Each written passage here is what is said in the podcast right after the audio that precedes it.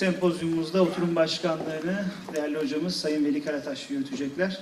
Sempozyumda tebliğciler, sempozyumun bu ikinci oturumda tebliğciler Mustafa Aydın hocamız Konya Selçuk Üniversitesi'nden Mahmut Hakkı, Mahmut Hakkı Akın hocamız ve Tarkan Tek beyefendiler. Ben eee, Sayın Başkanı ve tebliğcileri yerlerine davet ediyorum ve sözü oturum başkanımız Veli Karataş beyefendiye bırakıyorum. Buyurun.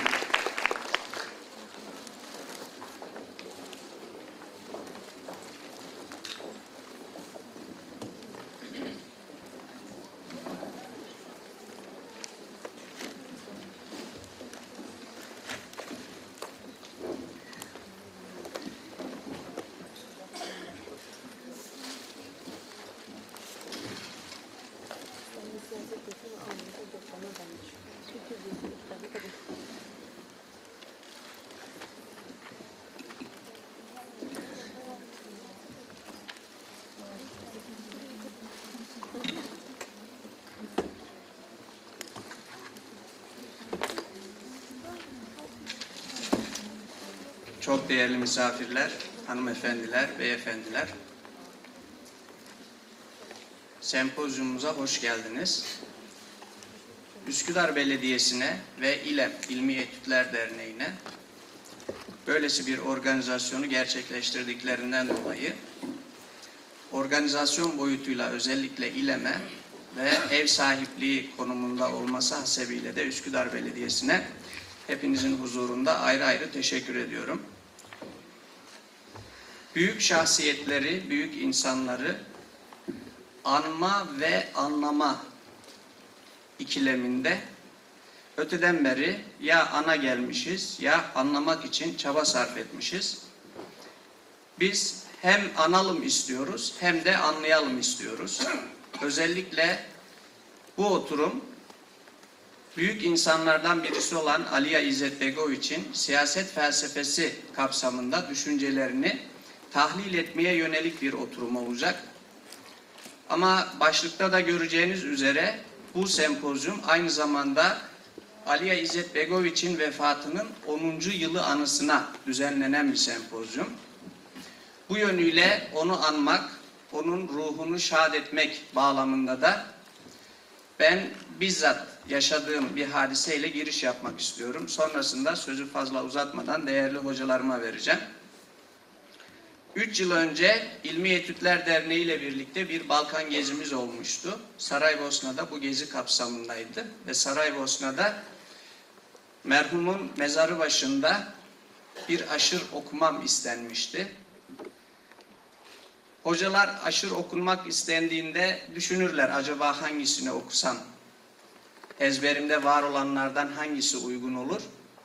O an için belki de e, duygularımı ifade etmek anlamında ve o duyguların o insana uygunluğu bağlamında Ali İmran suresinin 144. ayetinden başlayıp 148. ayetine kadar devam eden bölüm gelmişti ve ben onu okumuştum. O günden beri o ayeti kerimelerin Aliye İzzet Begoviç'le ne kadar da özdeşleştiğini, Aliye İzzet Begoviç'in nasıl da o ayetlerde belirtilen Rabbanilerden birisi olduğunu hep düşüne geldim. Bu boyutuyla öncelikle girişte Kur'an-ı Kerim'den o bölümün mealini size aktarmak istiyorum. Muhammed yalnızca bir elçidir sallallahu aleyhi ve sellem. Ondan önce de başka elçiler gelip geçtiler. Öyleyse o ölür yahut öldürülürse topuklarınız üzerinde gerisin geri mi döneceksiniz? Ama topukları üzerinde gerisin geri dönen kişi hiçbir şekilde Allah'a zarar veremez. Halbuki Allah kendine şükreden herkese karşılığını verecektir. Hiç kimse tayin edilmiş belli bir vadeden önce Allah'ın izni olmadan ölmez. Ve kim bu dünyanın nimetlerini arzularsa kendisine ondan vereceğiz. Kim de ahiretin nimetlerini arzularsa ona da bunu vereceğiz. Ve bize şükredenleri mükafatlandıracağız.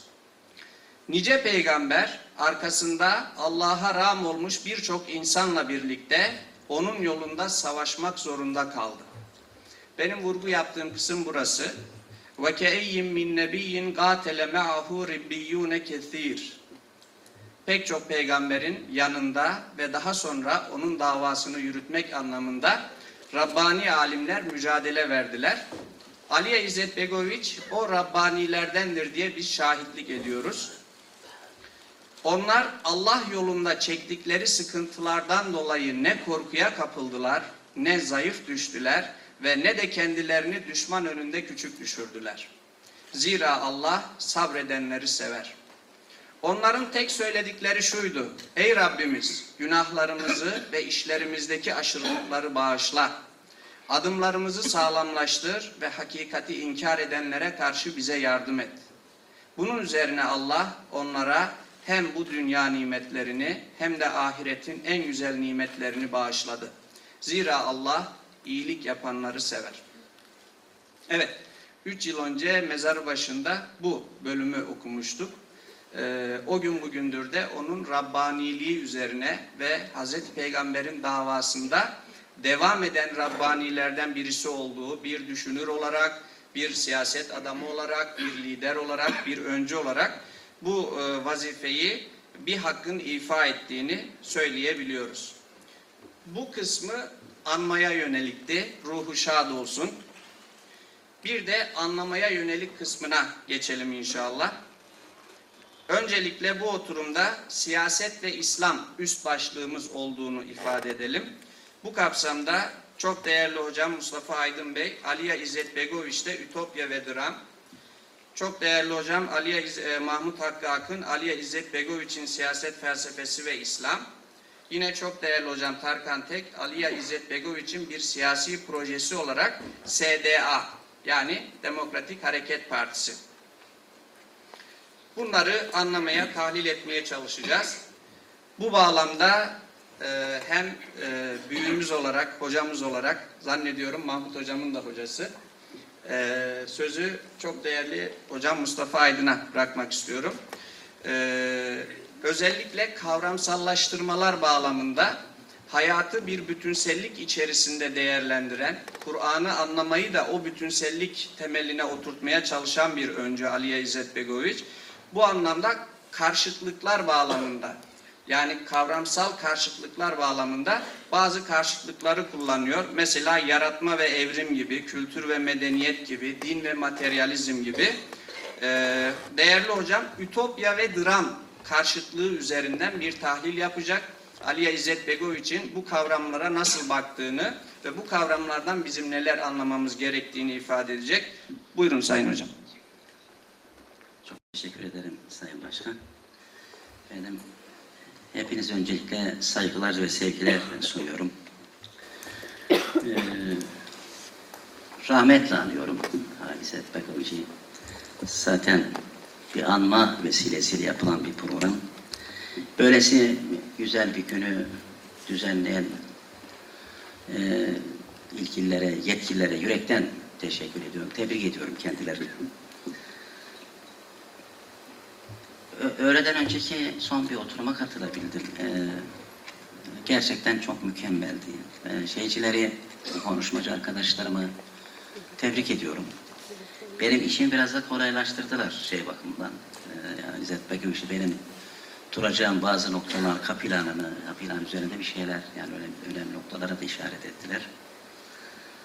Değerli arkadaşlarım, değerli dostlarım, ee, Ali İzzet Bekoviç e, siyaset yanında, siyaset, siyasi yönünün yanında e, bir bilge insan.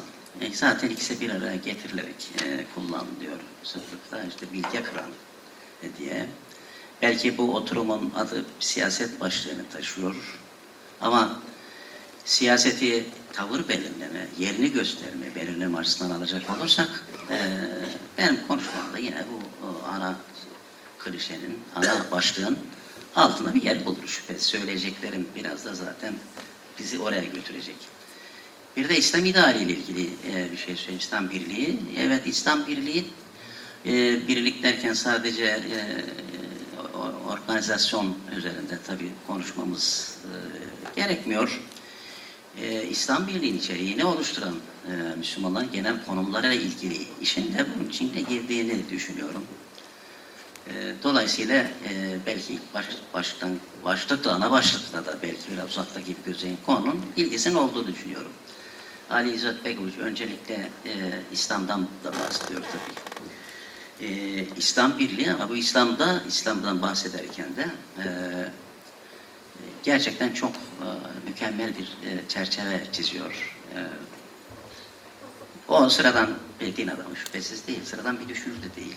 E, Kur'an-ı Kerim'de bazı Kur'an-ı Kerim bazı, ayetleri mesela e, meallendirirken bir örnek vereyim size. Şey anlatıyor. İnsan e, hem alet kullanan bir hayvan ki Doğu Batı arasında İslam adlı kitabında böyle bir temel şeyle başlıyor.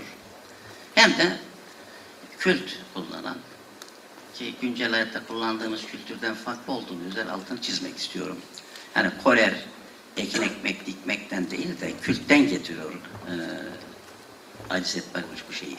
Yani kült, insanın o insani, rahmani tarafı. Ayeti şöyle çeviriyor. İnnel halaknel insane fi ahsen takvim thumma redednehu esfele safilin. İnsan diyor, semanın çocuğu, arzın kurdu. Müthiş bir e, meallendirme yani. Semanın çocuğu ve arzın kurdu. Tabii e, insanı sadece alet kullanan bir tip olarak inşa etmek isteyenler onu sadece yeryüzünün bir kurdu olarak tabii tasvir etmeye çalışmışlar. Efendim, e, Ali İzzet Begoviç e, bilge bir insandı. Bilge kelimesinin üzerinde e, sosyal, sosyolojik, felsefi ayette birkaç cümle söylemek istiyorum. E, bilge, e, düşünürlerin bir kategorik yapısı vardır genelde. Aşağıda bilim teknisyeni, bilgin, alim, allame ve bilgi en azından rahmetli Ahmet Yüksel Özemre ki kendisi, kendisi rahmetli anıyor. Böyle bir tipleme e, yapmıştı. Hoş bir tipleme bu da. En beşinci sırada da e, allame var, şey, e, bilge var. Bilgenin öz şeyi şu, özelliği şu. El aldığı sadece bir konuyla, bir noktayla ilgili olarak bir şey söylemiyor. Bilim teknisyene de söylüyor bunu. Sırada ve sosyolog mesela falan yerdeki, mahalledeki komşuluk ilişkilerinin ne safhada yürüdüğünü göstermek üzere bir araştırma yapıyor. Kur'an'la uygun, yöntemini biliyor, yapıyor. Yani küçümsüyor değilim tabii şüphesiz ama e, bilge e, disiplinler arası, işin felsefesini, epistemolojisini en üst düzeyde bu disiplinler arası bakın. Ki biraz sonra söyleyeceğim şey gerçekten de disiplinler arası.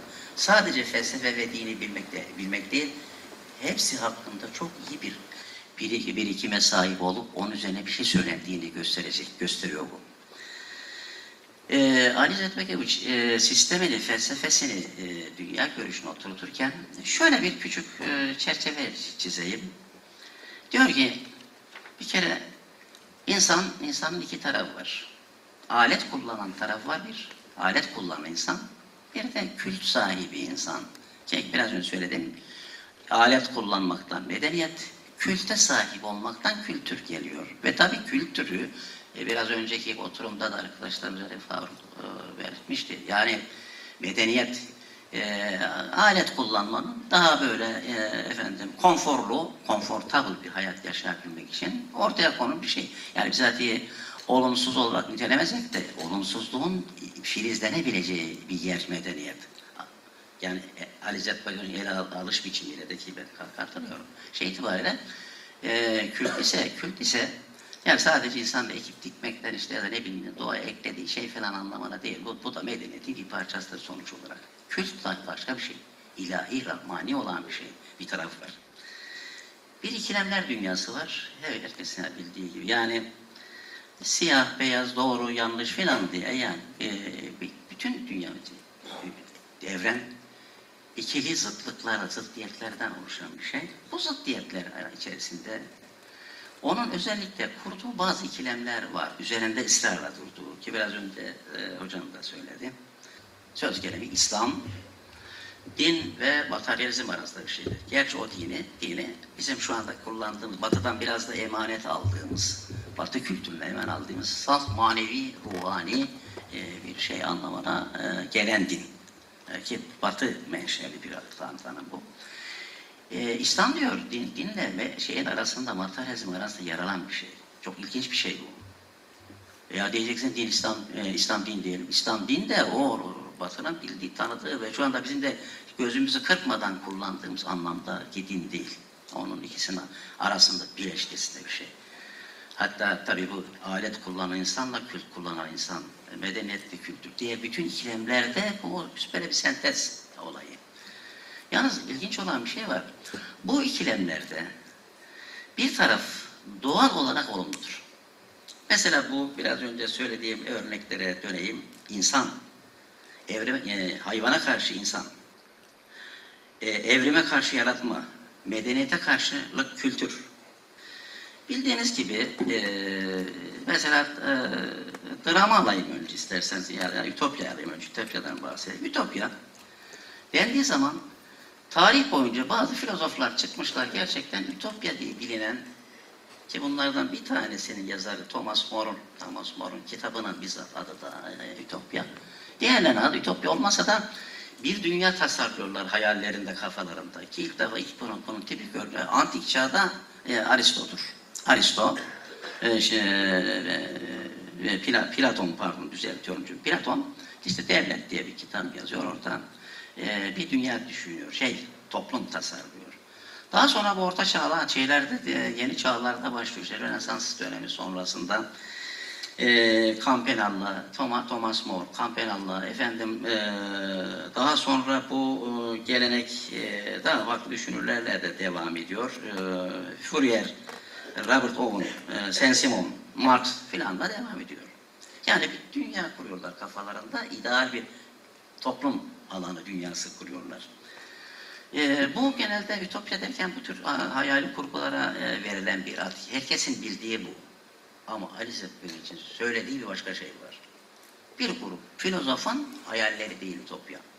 Ütopya bitiyor. İnsanlık tarihine sürüp gelen bir proje, hayat projesi. Olanı olduğu gibi, ilahi olanı ilahi olduğu gibi, insani olan insani olduğu gibi kabul etmeden kurulan, kurulmak istenen bir dünya.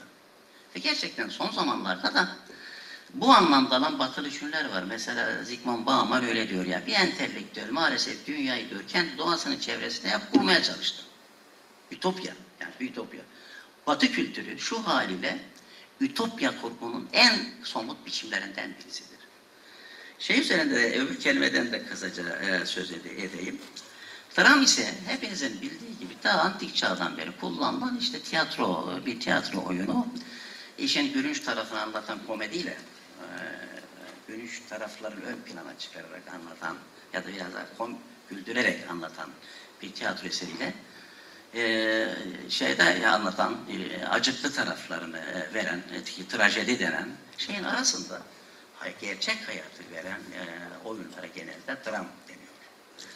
E, dram da buradan gayet anlamlı bir şekilde. Dram hayatın kendisi ki e, İzzet Bakoviç'in aslında bu alış tarzı da fevkalade önemli bir şey. Hayatın kendisi. Komedi değil, trajedi de değil. Hayat bu. Hayatın kendisi. Şimdi diyor ki, insanlık tarihi boyunca diyor, iki eğilim, insanın kültürel dünyasının vesairesinin eğilimlerine, şeyine diyor, yapısına uygun olarak iki genel eğilim var ola geldi. Ütopya ve dram. İki temel eğilim var. Bunlardan Ütopya hayatı yeniden hep kurmaya çalışıyor. Filozoflar kuruyor. bir- Fakat bazı yerlerde ye- sadece zihinsel kurulmuyor. Zaman zaman bu fiiliyata geçiriliyor.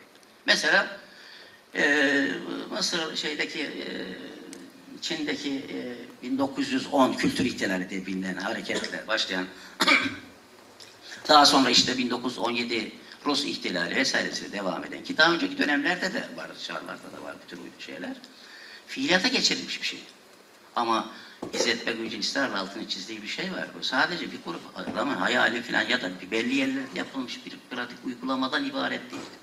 Hayata hakim ve etkin olmak isteyen, hayatı öyle biçimlendiren, her şey bir şekil ve biçim vermeye kalkışan bir iyilik, bir anlayış. Bir tarafta ise ilahi kaynaklı kökenli bir şey. Dram hayatın bizzat kendisi olan bir şey. Alanlarında sosyal beşeri olguların e, yerleri, yani içeriğini biraz da mesela Ütopya'nın içeri- içeriğini bilim, e, özellikle çekmek istiyorum. Bilim, teknik ve medeniyet gibi şeyler oluşturuyor. Ütopya'nın içeriğini, Ütopya'nın araçsal dünyasının yapısını. Ama dramda din, sanat, e, ahlak gibi şeyler için yer alıyor.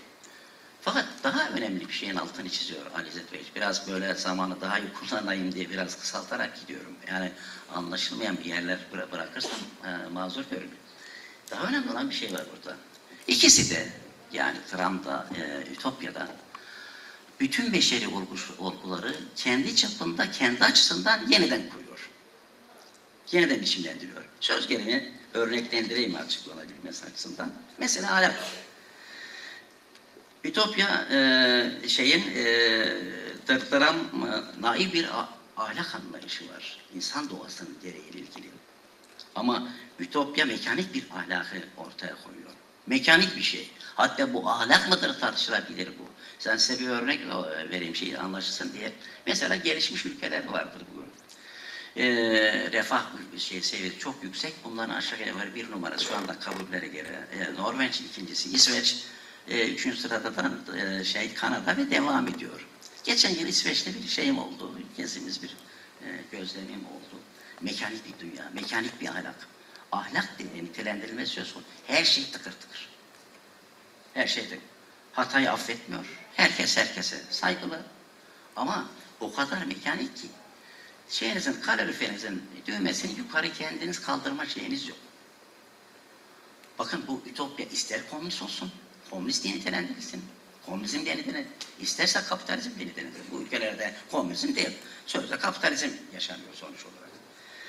Mesela cinsler arası ilişki. Dram, e, farklı cinsler arasında mazbut bir aile hayatı üstüne kurulu bir tasarımı var, düşüncesi var.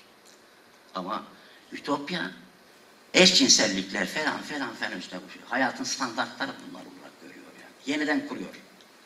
Yani olanı insan doğası gereği olan şeyleri kabarıyor, etmiyor, yeniden bir dünya, yeniden bir şey kuruyor. Hatta e, bir şeyin özellikle bu arada parantez açarak e, altını çizeyim. Öteden beri bütün tüm ütopyaların karşı olduğu, kökten karşı olduğu bir şey vardır. Kaldırmak için niyetlendi ama kaldıramadı. Onun için de başka biçimlere dönüştürdü. Biri din, birisi ailedir. Biraz önce ismini söyledim. Ütopyaların hepsinde hem din hem şey olarak kaldırılmıştır. Şeydir. Yani o farazi olan, yani o filozofun da hayalindeki, tasarımındaki şeyler de kaldırılmıştır. Hem aile kaldırılmıştır, aile kaldır. Kaldırmadan dönüştürülmüştür. Mesela insan birlikteliğinde dram topluluktur. Yani İzzet Bakır özellikle altını ister bunun. Topluluktur. Neden topluluktur biliyor musun? Yüz yüze ilişki, insani ilişki. Sevginin, saygının karşıyın rahatça akabildiği insan birlikteliğinin tipi topluluktur yani. Ee, Ütopyanınki e, toplumdur. Hatta toplum, topluluğun eğitildiği, yok edildiği yerde vardır. İlişki biçimleri de öyledir. Mesela toplum toplum ikinci ilişkiler dediğimiz e, ilişkiler üstüne kurulu. Sosyolojinin hatta gelişmişlik olarak gördüğü, anladığı ikinci ilişkiler. Yani yüz yüze gelmeden yapılan ilişkiler. Şey ise e, top, topluluğun e, topluluğun ki ise e, birinci ilişkiler dediğim şeydir. Karşılıklı, ka- e, yüz yüze olabilen ilişkilerdir. Hatta yerleşim birimi köy köy ve meden, me, e, Medine'sine karşılık dramın şey, kent benbette Medine ve kent arasında e, ayrım da yapmak istiyorum. Şey bakımdan tüm tarım kentleri aslında yüz ilişkilerin sürdürüldüğü ve e, e, dra- dramın e, ölçeklerine uygun yerleşim birimleriydi. Köy deyin isterseniz isterseniz e, Medine deyin yani şehir diyelim ama bu şehirleri, şehir konusunda bir genelleme yaparak da şehir efendim yegane ve biricik yerleşim birimimiz değildi iddialıyorlar. Sırayı kentle sanayi kent arasında müthiş bir fark vardır. Bizim günlük hayatta kullandığımız kent ve köy ayrımı kadar fark kadar farklı derin bir arada farklılık vardır. Peki şöyle toplayayım yani aşağı yukarı eee vaktimin biraz şeyine geldiğimi eee, görüyorum. Nasıl? Tamam. Evet başkanım diyor ki beş dakikada şey yaparsanız memnunum. Peki hayır. Şimdi bu burada gerçekten eee, dedi ki hem dram hem ütopya ikisi de insani bütün olguları e, ki bir kısmını sadece örnek verdim. Ahlak dedim. Cinsler arasındaki ilişki, e, e, ilişki insan birlikteliği biçimi, insan ilişkiler şekli, yaşama biçimleri. Ha mesela burada bakın dram beraberliği esas alır. Çok köklü sorunlar var burada değerli izleyicilerim. Yani. Hakikaten çok köklü sorunlar var. Ütopyanın aklına hiç yatmayan bir şeydir. O hep birlikten yanadır. Neden birlikten yanadır? Ya birlik, birlik aslında birlik benzerlik üstüne kurulu bir şey. Benzerliklerinizi atın gelin. Kardeşim işte beraber yaşayacağız yani. Özelliklerini bir kenara bırakın. Bir ve ben- bir olalım işte. Birlik e, toplulukların özelliklerinin yitirilmesini esas alan bir şeydir. Hatta çok kültürlü lafı gibi bir demagojiye dönüşmüştür bu. Çok kültürlü, çok kültürlü projelerin bütün sonu tek kültürlere doğru giden süreçlerdir bunlar. Mesela Kan- Kanada'daki en çok önemli verilen örneklerden birisidir. Herkes işte sonra araştırıyor, soruşturuyor. Kardeşim siz kimsiniz? Biz Müslümanız. Ya size yardım edelim ya kardeşim. Bir cami kurun, mesela söyleyelim. Ne ihtiyacınız var sizin falan diye anlatılıyordu bizde. Yani imrenerek, kıptayla hani baktığım şey. Ya bakın sonunda iyi gözlemler şunu gösterir. Öyle bir süreç ki bu. Tüm farklılıkların ortadan kalktığı ve herkesin tek bir olduğu, bir olduğu bir şey.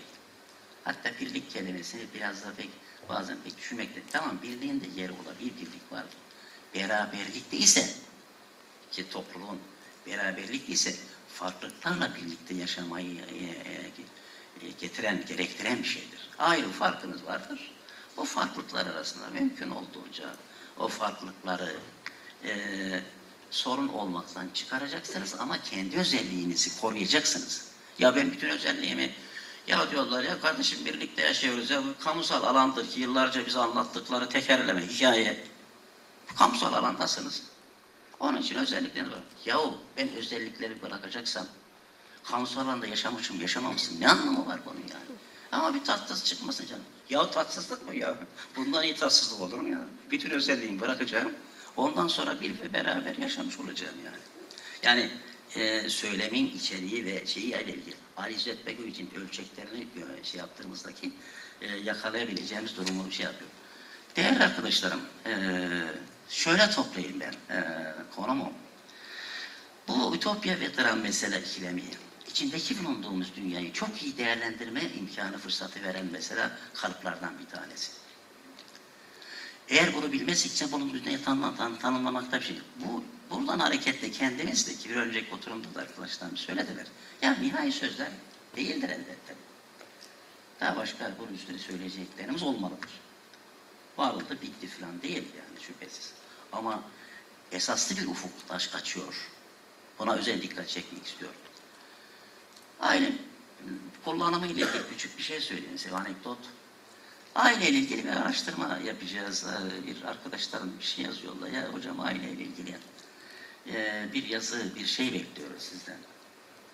Mesela Ütopya ve dramı şey yerleştirdiğinizde ya aile diye bir var, bir kesit var, insani bir kesit var. Bu bir dram, insanlığın dramatik bir hayat bu. Hayat olgusu. Ama yavaş yavaş eriyor. Akrabalık eriyor. E, komşuluk eriyor. Aşiret duyguları, düşünceler eriyor. Ve hatta etnisite eriyor. Etnisiteyle karıştırmayalım. Bu da tabii farklıca bir şey. Bakıyorsunuz insan şeylerin hepsini bir erime sürecinde. Ya bunların hepsine karşı Ütopya'nın açtığı bir savaş var değerli arkadaşlarım yani. Bir savaş var bunların hepsine karşı açılmış. A, akrabalığı kandaşlık diye şey yapıyor. Ailedeki yakın evlilik diye kararıyor. Bunlar hepsi ailenin arkasında potansiyel güçlerdir bunlar ya. Devam etmesi için potansiyel güçlerdir. Bunların komşuluk. Ya komşuluk, komşuluk Ütopya'nın e, şey olarak farklı insanların bir arada yaşaması, yabancılık, yabancı ile yaşama diye bir şey o, geliştirildi. Geliştiriliyor bu hala geliştiriyor. Gelişmiş bir olarak geliştiriliyor. Komşulukla çok iyi tanışmamanız lazım. Yüz göz olmamanız lazım. Neden? Medeni bir hayat için. Ya yabancılık bizzat üretiliyor arkadaşlar. Yabancılık. Yabancı ürettiğinizde komşuluk, akraba ve benzer bütün o hayatın içinden olan o dram e, kutbunda Ali İzzet Bakırcı'nın çizdiği o dram kutbunda anlatılanların, verilenlerin her birine şöyle ya da böyle yakın vadede ve uzak vadede veda etmeniz gerekir. Bu, buradan tabii ben bir karamsar tablo çıkarmayayım. Bunlar dramın bir özelliği var. İnsan doğasının gereği bir şeydir. Doğasına uygundur.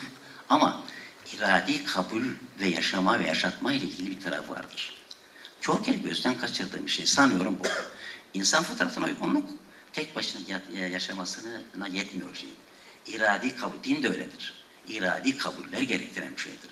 Halbuki şeyin ki, e, Ütopya'nın ki mantıksal bir kurgudur. Sistematize edilmiştir. Ve herkesin söz gelimi, ya yakınlarla evlenmemesi gerektiğine ilişkin bir söylem vardır. Çoğu kere, ki ben çok değişik oturumlarda söylerim ama, çoğu kere araştırma ihtiyacını duymamışızdır ya. Yakın, yakın derken ya belli bir derece kadar zaten evlenme yasağı vardır. 12 kişi yakınlık derece itibariyle evlenmesi yasaktır.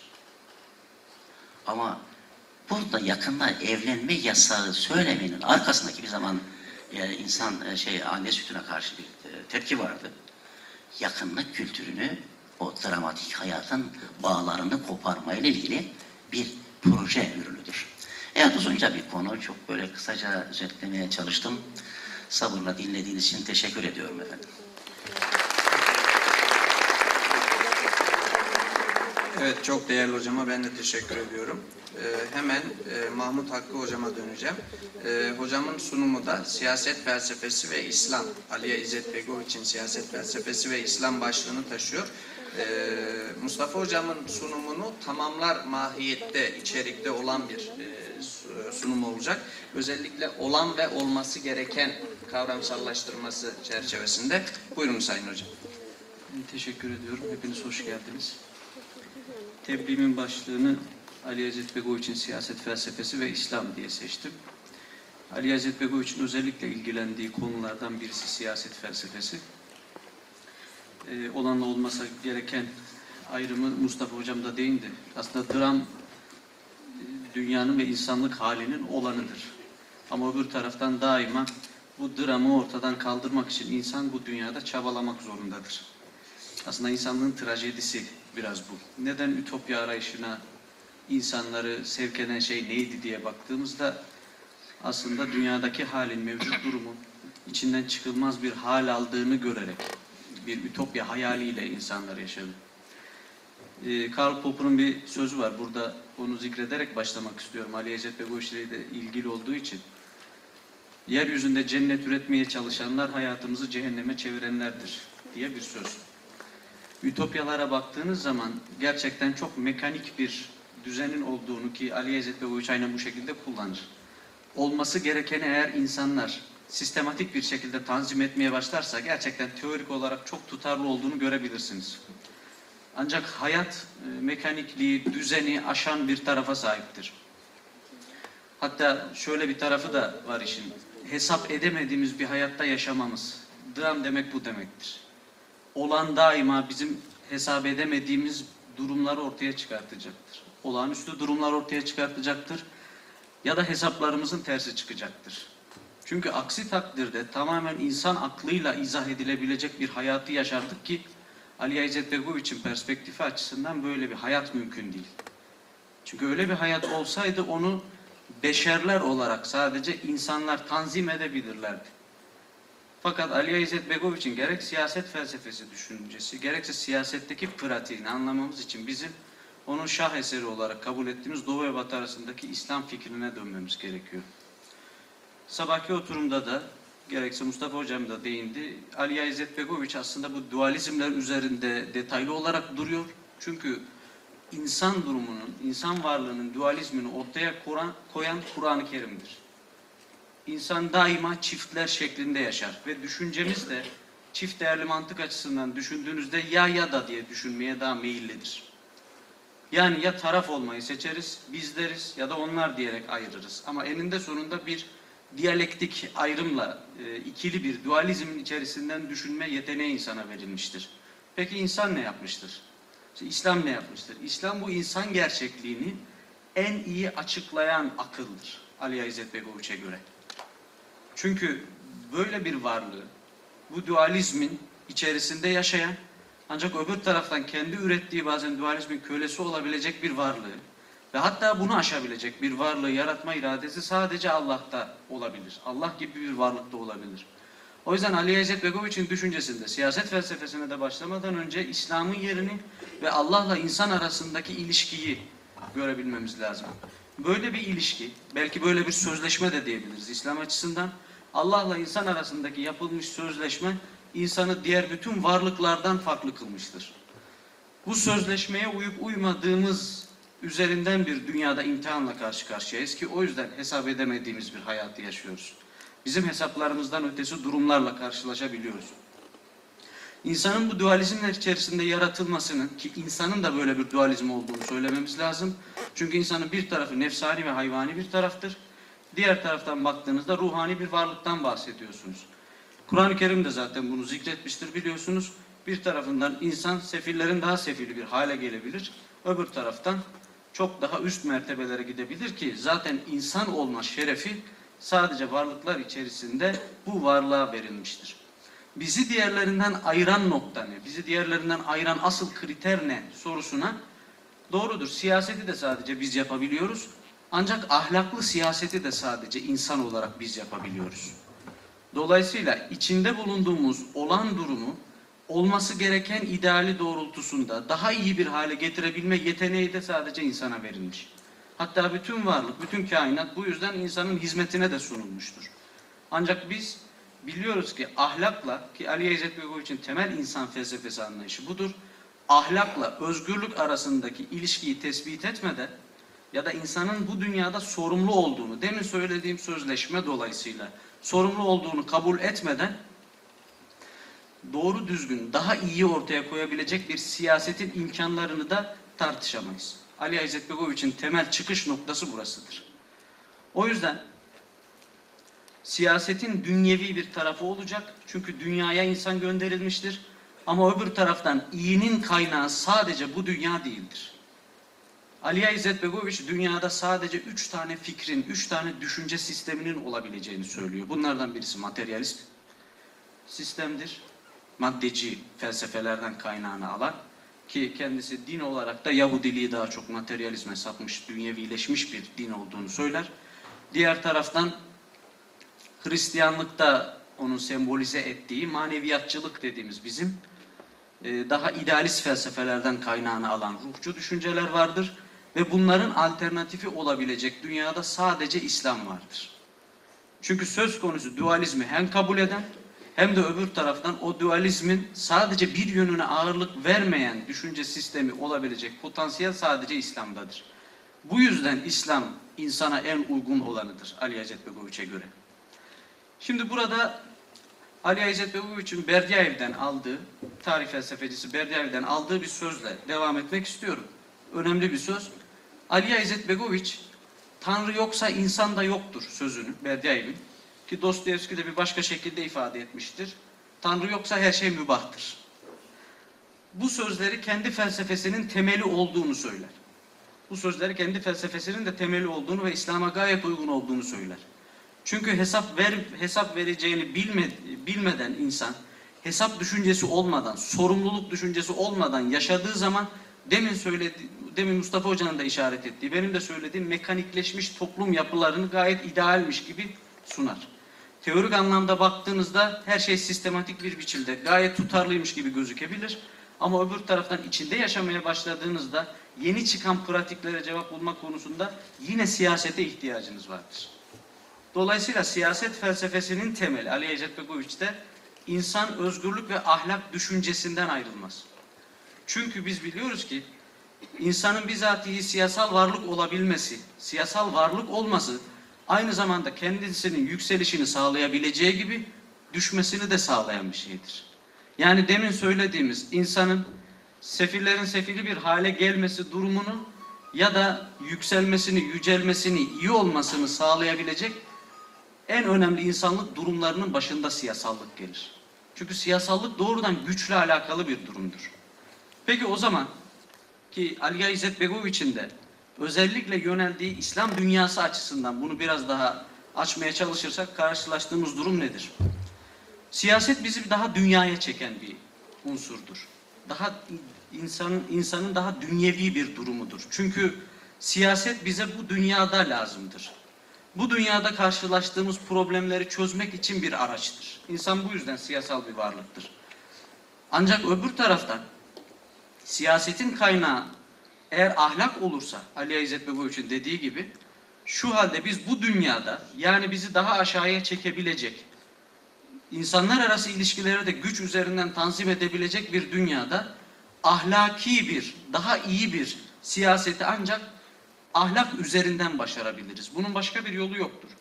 Diğer türlü insanların statüler ürettiği, insanların birbirlerine kula kul ilişkileri ürettiği bir durumla karşılaşmak zorundayızdır.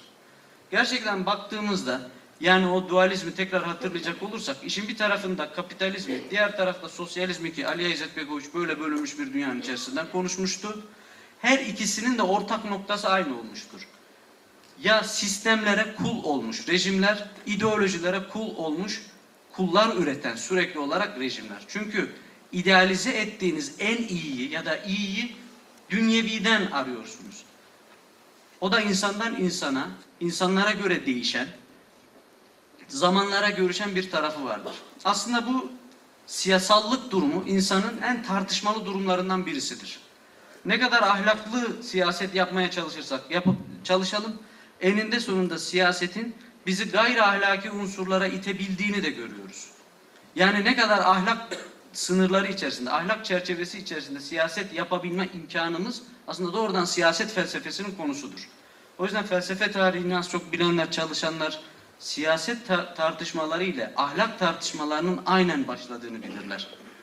Çünkü güç ilişkisi devreye girdiği zaman, otorite ilişkisi devreye girdiği zaman insanların itaat ilişkilerini nasıl düzenleyeceğiniz, yeni nesillerin nasıl yetiştirilmesi gerektiği meselesi de devreye girmeye başlıyor.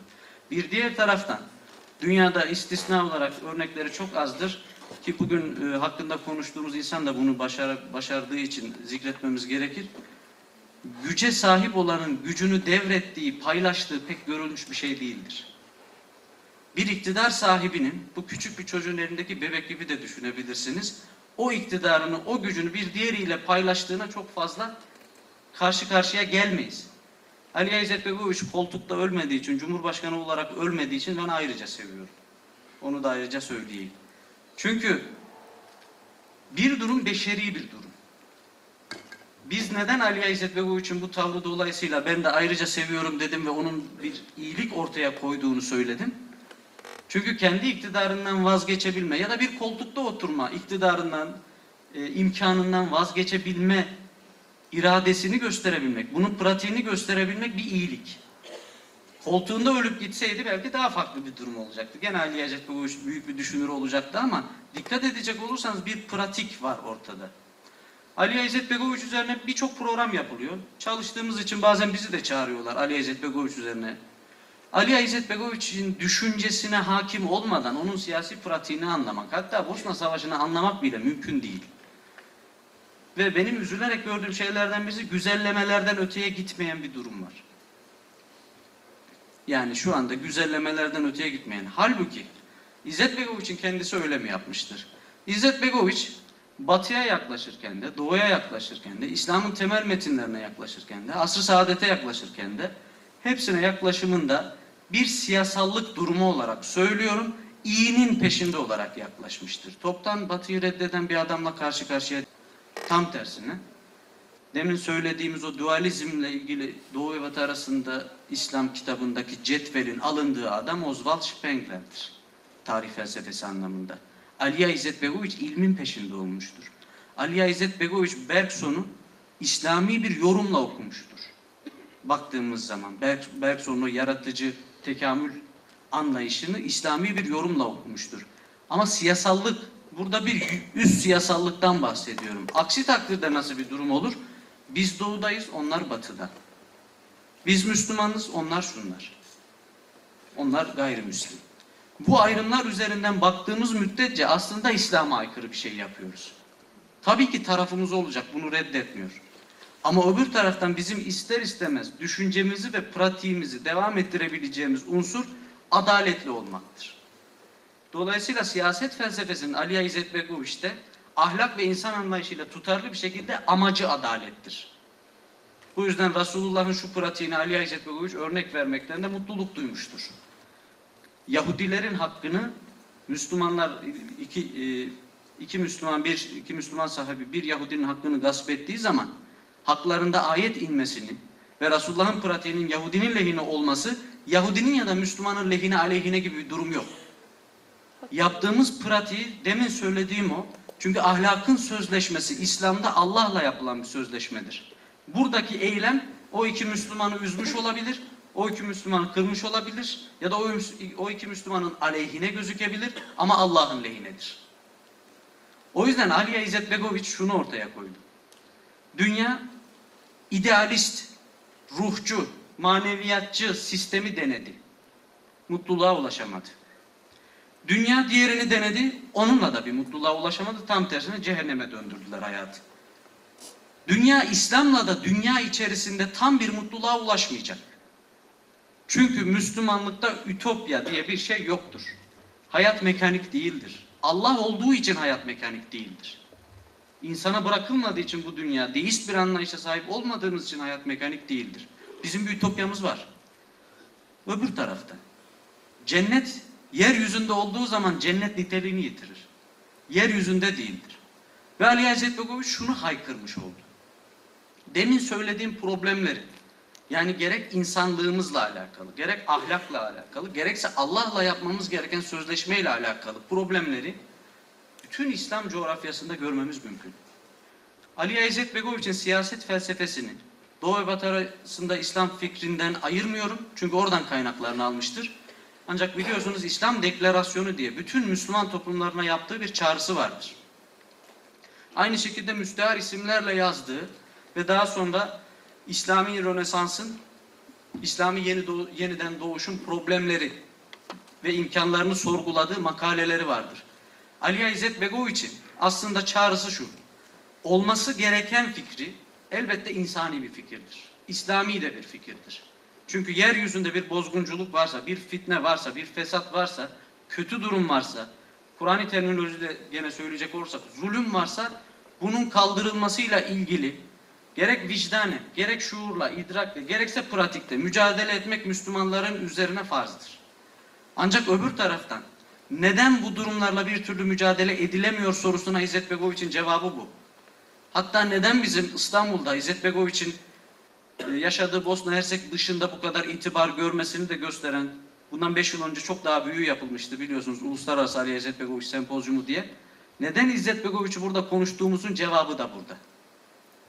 İşte Aliya İzzet Begoviç'i burada anlatıyor isek İslam dünyasında olanla olması gereken arasındaki mesafenin açıklığının hepimiz farkındayız. Ancak öbür taraftan İslam bize sadece belli ritüeller ve şekiller şeklinde aktarıldığı için ciddi bir sıkıntıyla karşı karşıyayız. Ali İzzet Begoviç açıkça meydan okumuştur. Şayet biz İslam'ın temel şartının iman etmek ve salih amel işlemek olduğuna dönmezsek İzzet Begoviç'e göre şurada söylediğim olması gereken, İslam'ın olması gereken siyaset felsefesine ulaşamayacağız ve olanla olması gereken arasındaki mesafe de açılarak devam edecek. Devam edecektir, biz de şikayet etmeye devam edeceğizdir. Neden iman ve salih amel arasındaki pratiğe özellikle Ali Hazreti Begoviç dikkat çekiyor? Bu dünyada yaşamakla yükümlüyüz, sorumluyuz. Ama bu dünyayı daha iyi hale getirmekle de sorumluyuz. Bu dünyayı daha iyi hale getirmek İzzet Begoviç'e göre bir yerlere ertelenmiş, devlet ele geçirmeyle falan olacak bir şey değil. İnsan olarak en başından itibaren Allah'la yaptığınız sözleşmede, yani bu- bunun bireysel boyutları da var, bireyler arası ilişki boyutu da var, toplumsal boyutu da var. Ama hiçbiri diğerine ihmal edilmeyecek şekilde düşü- düşünerek ancak bunun üstesinden gelebiliriz. O zaman olan ile olması gereken arasındaki mesafe daha daralacaktır. Biz İzzet Begoviç'te bunun pratiğini az çok gördük. Ama bir şey daha söylemek lazım. Her dönem ve her zaman şartlarında yaşayan insanlar kendi pratikleriyle aslında kendi yorumlarını ortaya koyarlar. Ve her yorum dünyevidir. Kaynağı İslami olabilir, kaynağı manevi olabilir ama her yorum dünyevidir ve bu dünyaya ilişkindir. İzzet Begoviç kendi şartları içerisinde değerli bir hayatı yaşadı, değerli bir siyaset felsefesi ve siyaset pratiğini ortaya koydu. Ben de böyle inanıyorum, düşünüyorum. Ancak o yorum kendi zamanı, kendi bağlamı ve şartları içerisinde bize kalmış bir mirastır. Aksi takdirde geçmiş yorumları mutlaklaştıracak olursak, geçmiş yorumları mutlaklaştırdığımız takdirde biz kendimize daha fazla geleneğe yük etmiş hale geliriz. Başka bir deyişle İslam eğriyle doğruyu, yanlışla doğruyu, iyi ile kötüyü ayırt edebilecek bir akıl değil, bize zamanla gelenek içerisinde aktarılan bir şeye dönüşür. Bu da sadece insanlarda siyahlar beyazlar gibi bizden olan bizden olmayan gibi ayrımlar üretir ve herkes kendi hakkını, kendi hakikatini ortaya koyar.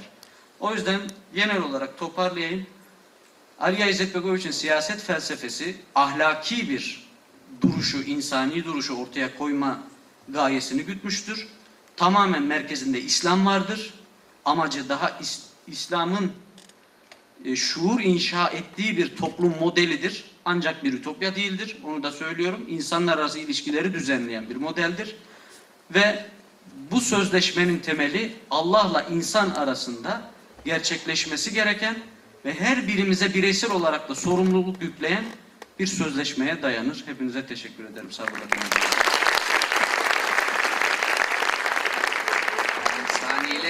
itibariyle bile riayet edilmiş bir e, sunum oldu. Çok teşekkür ediyorum hocam. E, Tarkan hocama dönüyorum. Aliye İzzet Begoviç'in bir siyasi projesi olarak SDA, Demokratik Hareket Partisi. E, biraz önce Mahmut hocam sunum yaparken söyledi. Evet Aliye İzzet Begoviç sadece e, bir düşünür olarak değil, hatta bunu biraz daha daraltacak olursak bir teorisyen değil. Aynı zamanda bunu bizatihi hayatın içinden örnekliklerle e, pratiğe aktarmış ve hayatı daima düşünceden önde değerlendirmiş. Düşünceyi hayatın bir unsuru olarak görmüş bir insan. Düşünce, bilim, sanat, felsefe, bütün bunlar nihayetinde hayatın içerisinde yerli yerine oturtulabildiği ölçüde anlam kazanan şeyler. Ee, bunu bir bütünsellik içerisinde hayatında pratiğe aktarmış ve bu şekilde bir hayatı yaşamış bir insan. Ee, o insanın bir projesi olarak ve uygulamaya geçirdiği e, bir e, hareket olarak Demokratik Hareket Partisi'ni hocamdan dinleyeceğiz. Buyurun. Öncelikle hoş geldiniz. Ee, Müslüman bir siyasetçi olan Ali İzzet Begoviç'in fikirlerinin vefatının 10. yılında böyle bir sempozyumda tartışıyor olmak her şeyden ön- önemli bir çaba olsa gerek. Onun için e, İLEM'e ve Üsküdar Belediyesi'ne bu anlamda teşekkür etmek gerektiğine inanıyorum. Ee, bu sebeple ben inşallah Ali İzzet Begoviç'in hocam da belirttiği gibi pratik olarak e, siyasi hayatında Demokratik Hareket, Hareket Partisi'nde neler yapmış, geçmişinden günümüze kadar aktarmaya çalışacağım inşallah. Bilindiği üzere e, Osmanlı Devleti 1878 yılında Berlin Anlaşması ile birlikte Bosna Hersek Sancağı'nın yönetimini Avusturya Macaristan İmparatorluğu'na devretmiş. Bu tarihten sonra Bosna Hersek Sancağı Müslümanların yönetiminden çıkmıştır. Bosna Hersek önce Yugoslavya Krallığı, sonrasından Yugoslavya Federasyonu yönetimi altında uzun yıllar idare edilmiştir. Bu dönemde Müslümanlar iktidarlar tarafından kimlikleri inkar edilen bir azınlıktır. Böyle bir zaman aralığında Mehmet Sipo adındaki bir alim ve onun kurmuş olduğu Yugoslavya Müslümanlar Organizasyonu Müslümanların kültürel olarak var olmaları için çalışmalar başlatmıştır. Mehmet Sipo'nun ölümü ve İkinci Dünya Savaşı'nın başlaması e, Yugoslavya Müslümanlar Organizasyonu'nun dağıtılmasına sebep olmuştur. Bu zaman ar- zarfında İkinci Dünya Savaşı'nın hemen öncesinde Miladi Müslümani yani Genç Müslümanlar adlı gençlik ör- örgütü hareketi kurulmuştur. Bu örgüt daha çok çağdaş İslam dünyasının sorunlarını ve dünyadaki gelişmeleri gündemlerinde tutan bir harekettir. İzzet Begoviç'in bu hareket ile ilk tanışıklığı 1944 yılına rast gelir. Ee, İzzet Begoviç genç Müslümanlar hareketi içinde çok aktif e, ilk başlarda rol almış birisidir. Bu e, bu yüzden e, İzzet Begoviç'in hayatında önemli bir yere sahiptir. Bu tanıştığı arkadaşlarla ileride e, kurulacak olan Demokratik Hareket Partisi'nde yine e, beraber kurmuştur. E, Genç Müslümanlar hareket, hareketine katıldığından dolayı İzzet Begoviç bilindiği üzere 3 yıl hapis cezası e, yatmıştır. Bu anlamda İzzet Begoviç'in ideolojisinin ve e, siyasete girmesinin en önemli sebeplerinden biri de şüphesiz ki genç e, Müslümanlarla birlikteliğidir. E, bu bağlamda kısa e, geçmek zorunda kaldım ama bence e, Mehmet Spo da e, her şeyden önemlisi e, İzzet Begoviç'in siyasetinin oluşmasından onlara o dönemki e, Yugoslavya Krallığı'nda e, Müslümanların kurmuş olduğu ilk organizasyon olduğu için önem, önemli bir şahsiyet olarak görmekteyim.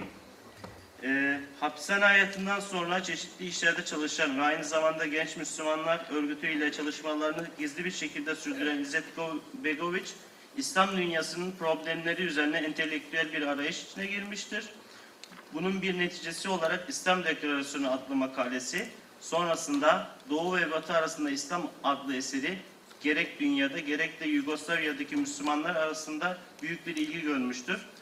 Bu çalışmaları Yugoslavya Devleti tarafından huzursuzlukla karşılanmış ve yazdıklarından dolayı soruşturmalar açılmıştır. Eserlerinde İslami devlet arzuladığı iddiası ile yakın arkadaşlarıyla birlikte yargılanmış ve yargılanma süreci siyasi bir atmosferde gerçekleşmiştir. Yargılanma süreci dünya kamuoyunda bilindiği üzere Saraybosna davası olarak gündeme gelmiş. Dünyadaki pek çok gazete, ajans ve ülke davayı izlemiştir. Yargılanma sonu, sonrasında İzzet Begoviç ve arkadaşlarına haksız bir şekilde uzun yıllar ağır e, hapis cezası verilmiştir. Bu anlamda yıllarını Balkan Müslümanlarına adamış bir grup e, inançlı insan hapishane hayatını çekerken dışarı çıkmayı ve legal bir yapıda siyaset yapmayı arzulamışlardı. 80'lı yılların başı 90'lı yılların e, 80'lı yılların sonu 90'lı yılların başlangıcı ile birli- birlikte Yugoslavya'daki olan kriz doruk noktasına e, ulaşmıştı. Tüm sosyalist blokta bir kriz havası hakim olmuştu. Bununla birlikte ülkenin birçok farklı bölgesinden gelen çok partili sisteme geçiş taleplerinin sayısı her geçen gün artmaktaydı. Bu gelişmelerin farkında olan İzzet Begoviç ve arkadaşları siyasi e, siyasi çalışmalarına hap, hapishanedeyken e, başlamışlardı. Gelen e, gelen af kararıyla birlikte siyasi parti kurma fikrini artık dışarı çıkınca e, hayata geçirmeye karar vermişlerdi. İzzet Begoviç hayatı boyunca e, şüphesiz ki zor olana talip olmuş ve karşısına çıkan zorlukların üstesinden gelmeyi başarmış bir liderdi. E, kendisine hayat felsefesi olarak seçmiş olduğu üçüncü yol formülü e, yaşamı boyunca onun siyasetinde belirleyici bir rol oynamıştır. Ona göre iki kötü şey arasında daha az kötü olanı seçmek durumunda değilsiniz. Bir üçüncü yol daima mümkündür. Özgürlüğün olmadığı, eşitsizliklerin hakim olduğu komünist Yugoslavya'yı benimsememiş, özel ve özgür bir Bosna hayali kurmuştur. Bu hedefi gerçekleştirmek amacıyla 1990 yılında yol arkadaşlarıyla bir araya gelip genç Müslümanlardaki ruh ile Demokratik Hareket Partisi'ni kurmuşlardır. Aliye hatı, hatıratında partinin kuruluşunu, kuruluşundan şöyle bahseder. Hapisteki arkadaşlarıma niyetlerimden bahsetmiştim. Onu bir Müslüman partisi olarak düşündüm. Partinin Yugoslavya'daki Müslüman halkı bir araya getirmekte güçlük çekmeyeceğini ve onları yapılacak açık bir davetin bunun için yeterli olacağına emindim. Kurulacak olan parti Müslüman kültür çevrelerinden bir parti olmalıydı ve aynı zamanda Balkanlardaki Müslümanları siyasi olarak bir araya getirmeliydi. Bosna Hersek tarihi boyunca bağımsız olma yolunda birçok e, adımlar atmıştır ama bunu bir türlü maalesef gerçekleştirememişti. E, takvimler 27 Mart e, 1990'ı gösterdiğinde Ali İzzet Begoviç ve yol arkadaşları cesur bir adım atarak Demokratik Hareket Partisi'ni e, kurarlar. Partinin kuruluşunu duyurmak üzere Saraybosna'daki Holiday Inn'de bir basın toplantısı düzenlenir ve İzzet Begoviç burada Kırklar Bildirisi olarak tarihe geçecek olan bildiriyi okuyarak partinin kuruluşunu ilan eder. Partinin 16 maddeden oluşan ilkeleri bu toplantıda açıklanır. Partinin programında öne çıkan 3 madde vardır. Bir, Yugoslavya'da yaşayan bütün halklara eşit yurttaşlık verilmesi ve demokratik bir sistemin kurulmasını sağlamak. İki, Yugoslavya sınırlarındaki bütün milletleri tanımak ve bütün dinlere saygı göstermek. Üç, SDA Yugoslavya'nın Müslüman kökenli vatandaşlarının olduğu kadar parti programını ve hedeflerini benimseyen tüm vatandaşların politik bir birliğidir. Bu maddeler e, SDA Partisi'nin siyasi istikametinde belirlemekteydi. SDA Partisi o dönemde 40 entelektüelin 40 yıllık tek parti sisteminden sonra kurduğu sisteme muhalif ilk parti olarak tarihe geç, geçmiştir bu, bu anlamda. Bosna Hersek'te komünizmin varlığından beri bu düşünce okuluna mensup olmayan bir siyasi hareketin ortaya çıkması büyük bir cesaret işiydi. İzzet Begoviç dönemin tek ideolojisi ve tek siyasi partisinin kar- partisi karşısında mücadele vermiş ve ülkeyi çok partili sisteme yani muhalefeti getirmişti. Bilindiği üzere Bosna'da e, çok partili hayata SDA ile geçilmişti bu anlamda. E, toplum muhalefetin varlığını SDA üzerinden hissetmişti. SDA, SDA'nın bu, e, kuruluş sonrasında birçok şehirde e, ve yurt dışında diasporadaki Yugoslav Müslümanlar arasında temsilcilikleri kurulmuştu. E, gelen ilk seçimde 1900, e, 18 Kasım 1990 tarihinde yapılan ilk seçimde SDA Partisi e, Bosna Hersek Cumhuriyeti'nde 240 yıl 40'lı 240 sandalyeden 86'sını kazanmış. 7 üyeli devlet başkanlığının üyeliği de yine SDA adaylar tarafından kazanılmıştı. Bu seçimler sonucunda İzzet Begoviç Bosna Hersek Cumhuriyeti'nde halk tarafından seçilmiş ilk cumhurbaşkanı olmuştur. Seçimlerden bir süre sonra Slovenya ve Hırvatistan'ın bağımsızlıklarını ilan etmeleri, Yugoslavya'da var olan savaş gerilimini arttırmış, bu iki ülkenin bağımsızlıklarını ilan etmesi sonucu Yugoslavya ordusu ile bu iki ülke arasında savaş başlamıştı. İzzet Begoviç kendi ülkesi için yaklaşan savaş nedeniyle bir takım görüşmeler gerçekleştirmiş ve şu kararı almıştı. Bosna Hersek, Slovenya ve Hırvatistansız bir Yugoslavya içerisinde yer almayacaktır. Parti bununla birlikte e, savaş sebebiyle Bosna Hersek Güvenlik Konseyi'ni kurmuştur. Bosna Hersek Meclisi 14 Ocak 1992'de özellik kararı alıp referanduma gitmiş. 29 Şubat 1 Mart 92 tarihlerinde gerçekleştirilen referandum ile %63'lük bir katılım ve %99'luk oran ile özellik halk tarafından kabul görmüştü. Böylelikle Bosna Hersek halkının almış olduğu karar ile bağımsızlık ilan edilmiş, bağımsızlık kararı birçok ülke tarafından tanınmıştı. Buna rağmen Nisan 1992'de bilindiği üzere savaş başlamıştı. Bosna Hersek Cumhurbaşkanlığı 20 Ha- ancak 20 Haziran 1992'de savaş alma kararı almıştır. Bu dönemde SDA Partisi gerek halkın savaşa hazırlanması ve direniş hattının kurulması anlamında önemli hamleler yapmıştır. Bunu İzzet Begoviç hatıratında şöyle dile getirmektedir. Bosna Hersek direnişinin temel unsurunun halkın örgütlenmesi ve bunun yanında silahlanma olduğunu söyleyebilirim. Ben bir vesileyle hiç kimsenin, hiçbir partinin, hiçbir polisin bu direnişi kendisine mal edemeyeceğini ifade ettim. Ve görüşümü de hala muhafaza ediyorum. Fakat eğer liyakatlar karşılaştırılırsa o zaman SDA Partisi kıyaslanmayacak biçimde en büyük paya sahip olur.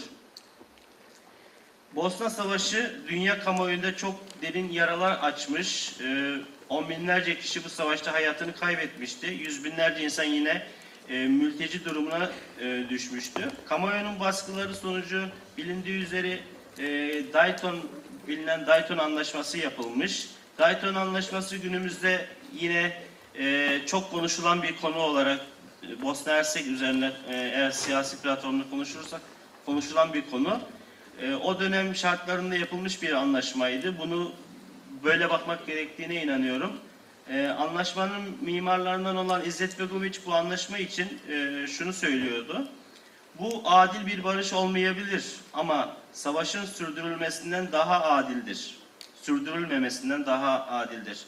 Bu şartlar altında böyle böylesi bir dünyada daha iyi bir barış elde edilemezdi diye açıklamıştır. Bu yönüyle İzzet Begoviç savaş karşıtı bir siyasetçi olarak e, kanımca tarihte yerini aldığına inandığım bir liderdi.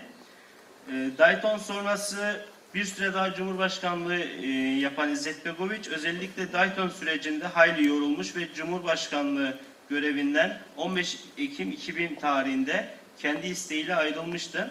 Arkasından gelen bir neslin bilinciyle siyasi faaliyetlerini bir, süre, bir süreliğine SDA çatısı altında devam ettiren İzzet Begoviç bu görevinden de 13 Ekim 2011 tarihinde ayrılmış ve genel başkanlığı Süleyman Tiyiç'e bırakmıştır. Görevini bırakması konusu sürekli gündeme gelmiş ve bunu bir gazeteciye şöyle açıklamıştı. Milletçe önümüzde daha uzun bir yol vardır. Bireyler ölür, halklar yaşar. Mücadeleler bana bağlı değildir. Önemli olan da budur. Şu anda sancağı binlerce insan taşıyor. Bunu sürdüreceklerdir. Ben sadece bana düşeni yapmaya çalışıyorum. Kısacası dava ve mücadele kişilere kaim değildir. Bayrağı taşıyacak binlerce kişi olduğunu görüyor ve mutlu oluyorum diye cevaplar.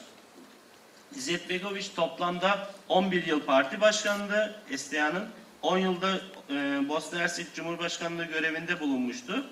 Ali İzzet Begoviç'in bir siyasi projesi olarak SDA kuruluşundan günümüze kadar kesintisiz olarak Bosna Hersek'in yönetiminde bulunmuş ve önemli icatlar gerçekleştirmiş bir siyasi partidir.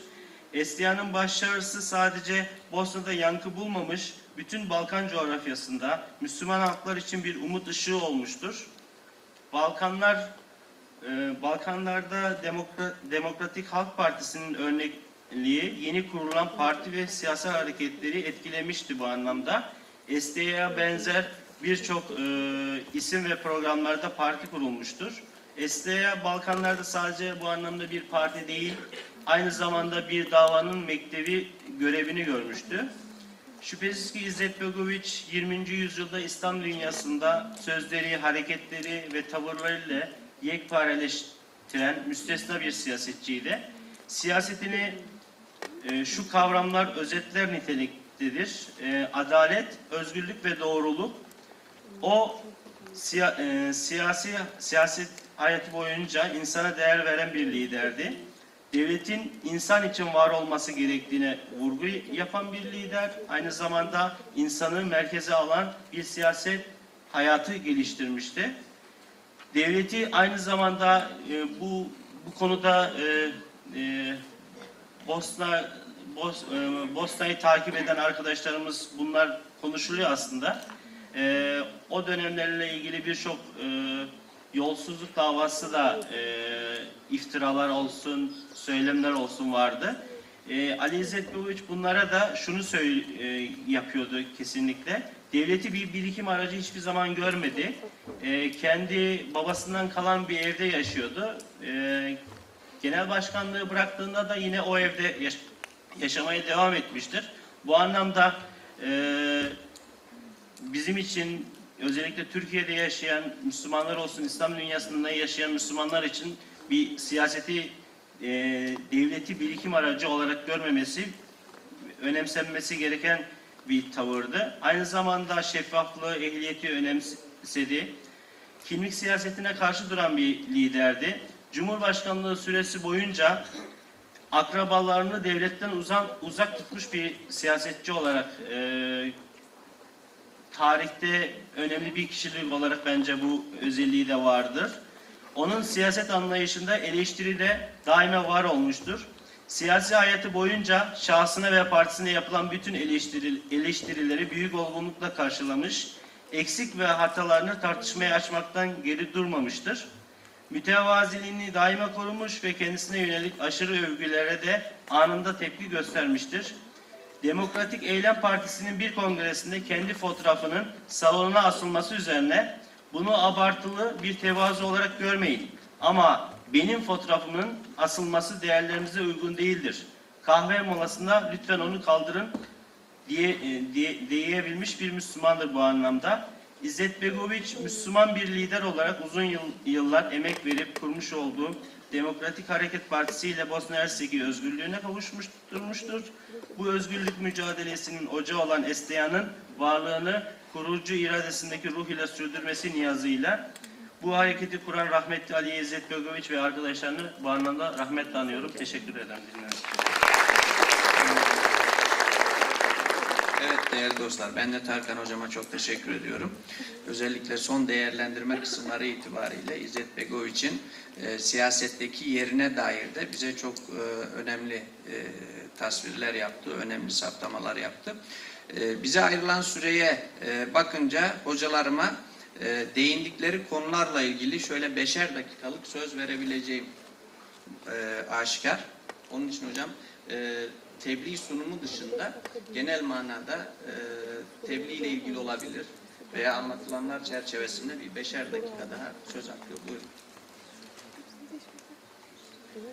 Bu arada soru yöneltmek isteyen varsa e, o da olabilir. E, katkıda bulunmak isteyen olabilir şifai olarak. Mikrofon sistemimiz vardır herhalde. Evet söz almak isteyenlere iletebilirsiniz. E, hocam soru gelene kadar ben sizinle devam edelim istiyorum. Buyurun.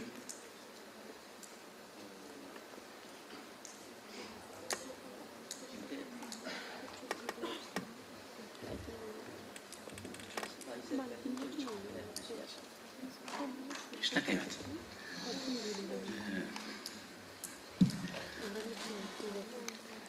Konuyu bütünleyici bazı şeyler eee, söyle, söylemek istiyorum. Önce eee, gerçekten Ali İzzet Begoviç'in eee, kimlik ve kişiliği burada arkadaşlarımız tarafından da çok ilginç bir şekilde yani şey olarak verildi. Büyük bir insan, düşüncesiyle, eylemleriyle bir tutarlılık eee, gösteren bir insan. Ama ben e, yine kendi e, açımdan, e, e, tebliğim açısından bir şey söylemek istiyorum, bir şeyler söylemek istiyorum. E, e, Ali İzzet Begoviç'i e, anmak, e, düşüncelerin öncelikle düşüncelerini, e, tabii ki bizzat hayat arkadaşları, geç dinleme fırsatım olmadı, böyle demeyecek oturumda çok da arz ediyordum, yetişemedim. E, yolculuk biraz e, şeyli, ge- gecikmeli e, başladı falan. Şimdi ee, öncelikle düşüncelerine şey vermek lazım, ağırlık vermek lazım. Ee, e, bilgedir dedik. Üzerinde e, durduğum öyle şeylerden bir tanesi. Gerçekten e, bilge, yani çok kestirmeden e, bir şeyler söylemeye çalıştım. Disiplinler arası üst düzeyde bütün olaylara, bütün olup bitenlere e, büyük bir kestirim e, gücüyle e, bakabilmeyi gerektiren bir şey. E, herkese nasip olmayan bir şey. Biraz önce öğleden önce oturumda da arkadaşlar son öğleden önce son oturumda e, bilgelik e, sırf çalışmakla olacak bir şey değildir. Ali İzzet Böküç'ün okuduğu kitapları e, pek çok insan okumuştur muhtemeldir. Yani okuyan pek çok insan vardır ki belli bazı düşünürler var benim de yani ki şu anda ayrıntısına girmeyeceğim. Ali İzzet Begoviç şunlardan e, şüphesiz çok e, rahatlıkla istifade etmiş diyebileceğimiz şeyler vardır. E, mesela Alman idealist felsefesi diye bildiğimiz bir felsefe var. Orada kültürün ki kültürün tarihinin olmadığını söylüyor şey Ali Begoviç. Gerçekten kültürün tarihi yok. Çünkü kültür yalnız kültürden kastı o insani özlük alanı, din, ahlak vesaire konular, sanat bunların gerçekten tarihi yok. Bu mesele İlman, e, Alman idealizminden alınmış, büyük çapta yararlanılmış bir şey. Bazı düşünürler var gerçekten e, büyük şeyler söylemişler e, sonuç olarak. Yani e, İzzet Begoviç örnek veriyor. Mesela diyor sanatın e, ya da ne bileyim e, ya din te- tevhidi birden nereden nereye gelişmiştir? Çok kere çok fazla da düşünmediğimiz e, ilginç konular bunlar. Yani bir yerden yararlanıyor ama bir bilgece e, bir sonuç elde ediyor. Gerçekten tek tanrılı, ilahi, tevhidi bir e, çi- çizginin gelişmesinden söz edemeyiz yani. Tarihi yok bunun. Yani dün şöyleydi, bugün böyle oldu. Önceden efendim evrimcinin dediği gibi politeist bir inanç vardı. Sonunda adım adım çiz geldi. Ve sonunda bir tek tanrılı bir din ortaya çıktı falan diye bir durum yok. Tarihi yok şeyin. Hani kültürün yani onun aldığı, onun kullandığı anlamda kültürün bir tarihi yok. Sanatın bir tarihi yok. Dinin e, insanlarla olan ilişkisinin varlığı. Biraz önce Mahmut arkadaşımız e, gerçekten hoş bir şeye e, değindi. Yani e, hayatla e, bağlantı kurduğumuz her şey. Diyelim ki tevhidin bir şey yok, e, tarihi yok. Ama insanların tevhidle, ahlakla, yorumlayıp hayata aktardıkları her şeyin onların tarihi var. Yani bunu yani birbirine karıştırmamak lazım. E, hayata aktardığımız, bağ kurduğumuz bir şey e, tarihi var. Yoksa tevhid ya da sezgin, özgürlük. Özgürlüğün kendisinin bir gelişiminden söz etmek mümkün değil. Ama algısından söz edersiniz. Evet herkesin okuduğu, pek çok kişinin okuduğu e, kitaplardan bize kendine özgürlüklerde bir şey çıkarmış bir insan. biraz o yönüyle bakıp yani İzzet Bakıç'tan o şekilde yararlanmak gerektiği kanaatindeyim. Ee, bazı kerelerde son zamanlarda, son birkaç yıldır özellikle kendime sanki dert edin tabiri caizse. Yani Ali İzzet Bakıç'ın e, bu kitaplarını öğrencilerden okutuyorum. Bazı insanlara da soruyorum. Okumasını beklediğim bazı arkadaşlara soruyorum. Bahsediyorlar. Diyorlar ki ya okudum. Fakat okumuşa ait hiçbir yere rastlamıyorum. Yani şey itibariyle. Gerçekten çok ilginç yani. Peki neden olduğunu e, düşünüyorum. Onu da söyleyeyim. Şimdi açıyorum mesela Doğu Batı arasında İslam ki e, felsefik boyuttaki en şey kitaplarından birisi bu. Şimdi açtı, açtınız kitap orada diyelim ki benim bugün söz konusu ettiğim Ütopya ve Dram açtınız orada. Şundan eminim pek çok insan ya İzzet Bakoviç burada e, sanatla ilgili kanaatlerini herhalde anlatıyor diye düşünmüş olması ihtimali fevkalade büyük. Çünkü dram falan falan dendiği zaman halbuki Ali İzzet Bakoviç o kitabın o bölümünde sanattan hiç söz etmiyor. Hiç söz etmiyor. O dramla, mıramla, trajediyle, komediyle hiç ilgisi yok. Bu bambaşka bir şeyde kullanılmış bir şey. Onun için de okuyanların biraz da şöyle bakıp orada söz gelimi ahlak. Genel olarak ahlaktan bahsedildi e, diye ya da işte dram dendiği zaman bir sanat eserinin bahsedildiğini düşünerek seçmeli okuma deniyor. Son zamanlarda bir hayli e, moda oldu biliyorsunuz sonuç olarak. Kitabı alıyor. Haftada diyor üç tane kitap okuyorum diyor insanlar. Çok sık duyuyorum. Nasıl okuyorsunuz? Ya şöyle bakıyorum. E, e şuralar bundan bahsediyor diyorum. Atlıyorum ben. Böyle okunması söz konusu olamaz Ali İzzet Bekir'in. Zaten böyle bakılmışsa okunmamıştır ve anlaşılmamıştır demektir. Yani ben Ali İzzet Bakıcı e, izleyicilerimden şeyim bu şeyden sonra bu toplantıdan bu e, arzene ta- tavsiye demeyeyim de e, bu dikkat çekme şeyimizden sonra Ali İzzet Bekir'i bir kere daha şöyle bir e, dikkatli okumanızı tavsiye ediyorum. Herkes kendisine e, özgür fevkalade şeyler olacağına inanıyorum, düşünüyorum. Evet yani. Eyvallah hocam çok teşekkürler. Ee, hocam mesela doğu ile batı veya doğu batı arasında derken bu bile ilk anda yanıltıcı olabiliyor. Ya, değil yanıltıcı oluyor. Yani coğrafya olarak anlaşılabiliyor. Oysa burada materyalizmle ruhaniyatçılık arası, felsefi sistemler arasında bir karşılaştırma söz konusu. Ee, hocamın dikkat çektiği noktalar gibi e, Mahmut hocamın da dikkat çekeceği noktalar vardır. Buyurun hocam. Metin de hazırladığımız için o çok daha geniş kapsamlı oluyor burada 20 dakikada. Unutuyoruz bazı şeyler. Bir de kusura bakmayın metne bağlı konuşamıyorum hiçbir şekilde. Ee, daha şifayı konuşmak iyi geliyor benim için. Ee, bir vurguyu sadece yapmak istiyorum. Ee, yaşlılar durumdan haberdar ama onlar artık yaşlılar. Hani hep dediğimiz gibi yaşlılıktaki bilgi birikimi, keşke gençlikteki o e, güç birlikte olsa. Ve şimdi bu gençlik e, Aliye İzzet Bögoviç'i tamam herkes sevip saygı duyuyor ama gerçekten eserlerini anlayarak, gerçekten onun izinde giderek yetişmiyorlar. Popüler kültürün peşinden giden bir gençlik var. E, burada rahatça gözlemlediğimiz şekilde hatta e, oraya gezmeye gidenler, gezip görmek isteyen e, duyarlı Türkler oraya gittiklerinde e, bunlar e, Hırvat çocuğu mu, bunlar Sırp çocuğu mu diye bir üzüntü içerisindeler. Öyle zannettik falan diyorlar. Biz artık açıklama ihtiyacı hissediyoruz. Orada bir Orta Doğu ülkesi gibi bir şey beklemeyin. Orada ne kadar Müslüman da olsalar Avrupa'nın Hristiyan çevresinin ortasında kalmış bir millet. E, hatta belgesellerde özellikle e, Hakan Albayrak'ın Saraybosna Sevgilim belgeselinde de gördüğümüz gibi bayanlar açık falan hani İslam'ı bizim anladığımız tarzda yaşamıyorlar. Ama bu şekilde bir savunma ihtiyacı bile hissediyoruz. E, toparlamam gerekirse e, e, onlardaki İslam anlayışı e, biraz daha yüzeysel kalmış gibi. Tamam içselleştirenler de var ama gerçekten Ali İzzet Begoviç'i tam olarak anlayarak e, ilerletecek olan gençlik tamamen e, tamamen yok diyebilirim yani. O konuda ne yapılmalı? Bu konuda hani bir şeyler konuşulabilir mi? Sizin görüşleriniz nelerdir? Ne konuşabiliriz? Şöyle bir durum da olmuştu mesela bir derste. E, bir dersimizde e, siyaset felsefesi miydi şu an tam hatırlamıyorum.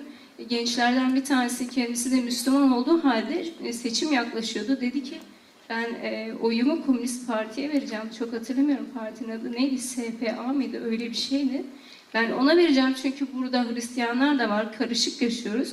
Burada en mantıklısı laiklere ve komünistlere vermektir gibi görüşleri vardı. Gençliğin gerçekten de Aliye'yi okuyup da anladığını çok zannetmiyorum bu sebeple. O konuda neler düşünüyorsunuz? Eyvallah. Teşekkür ediyoruz. Yani bir yönüyle bir katkı oldu. Sosyolojik manada bir gözlem oldu. Ee, oturum masası olarak bu anlamda biraz e, şanslıyız. Benim her iki tarafımda da e, sosyoloji alanından e, bilim insanları oturuyor. Öncelikle yine sözü e, büyüğümüz olarak hocama vereceğim. Hocam bu tespit ve değerlendirme hakkında ne söyleyebiliriz? Yani nihayetinde bir gözlem, bir e, belki genelleştirilmemesi gereken bir hadise. Buyurun. Şimdi cevabını biraz da kendi içerisinde e, buldu. İsterseniz biraz soru değil de genel olarak açıklamalar içerince. e, Yani tespit ve değerlendirme var. Ona dair bir anlamda bizim kanaatlerimiz de e, Evet, yani ortalama oluyor. Aşağı yukarı şeyler söylendi. Ya şöyle söyleyeyim, Bosna Hersek'te ben yaşamadım. Ee, Tarkan Bey bir alıntı sadece okumuştu o dediğiniz cümle. Tarihe Tanıklığım kitabında e, Cumhurbaşkanlığını bıraktığı sırada hem kendi düşüncelerini yazmıştır hem de arkadaşlarıyla paylaştığı bayrağı bırakacağım birileri var diye. Aslında gençler de dememiştir benim bildiğim hatırladığım kadarıyla. Gençler değil de bayrağı teslim alacak insanlar yetişti var diye. E dediğiniz problem dünyanın problemi. Yani Türkiye'ye gelip Türkiye'nin bazı yerlerinde de burası bir Müslüman ülkesi mi diyeceğiniz birçok hadiseyle karşılaşabilirsiniz. Yani e, o Bosna'nın problemi olmasını çok daha manidar görüyorum. Yani biz komünist rejimde görmedik. E, bir yönüyle. O, o da bir problem yani. Onun da üstesinden gelmeyle ilgili e, merhumun fikirleri vardı.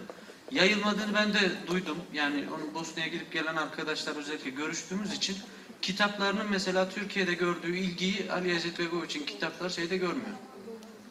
Yalnız şunu da ben önemsiyorum. Biz kendi siyasetçilerimizi de kendi içinde yaşadığımız için bu toplumun mesela dışarıdakilerin algıladıkları gibi algılamayız. Az çok Arap ülkelerine ya da Umre'ye gidenler falan bilirler. Yani her tarafta işte Tayyip Erdoğan'a dua eden insanlarla falan karşılaşıyorsunuz. Sabahtaki oturumda falan da vardır. Yani biz içinde yaşadığımız için biz çok öyle abartmıyoruz da tanıdığımız için belki. Şimdi onlarda da aynı durum söz konusu. Yani bir siyasetçiden de bahsediyoruz. Onu da söyleyeyim ki tarihe tanıklığında özellikle siyasete girdikten sonra kavgalarını da anlatır. Çok yakın olan arkadaşlarından bazıları küs gittiler Ali Hazret Begoviç'e. Yani bu hayat pratiğinin de bir gerçeği. Bunun üstesinden zaten gelseydi melek olurdu yani o mümkün değil. Evet ama katılıyorum iyi bir katkı oldu sağ olun. Evet. Bir arkadaşımız daha el kaldırıyor.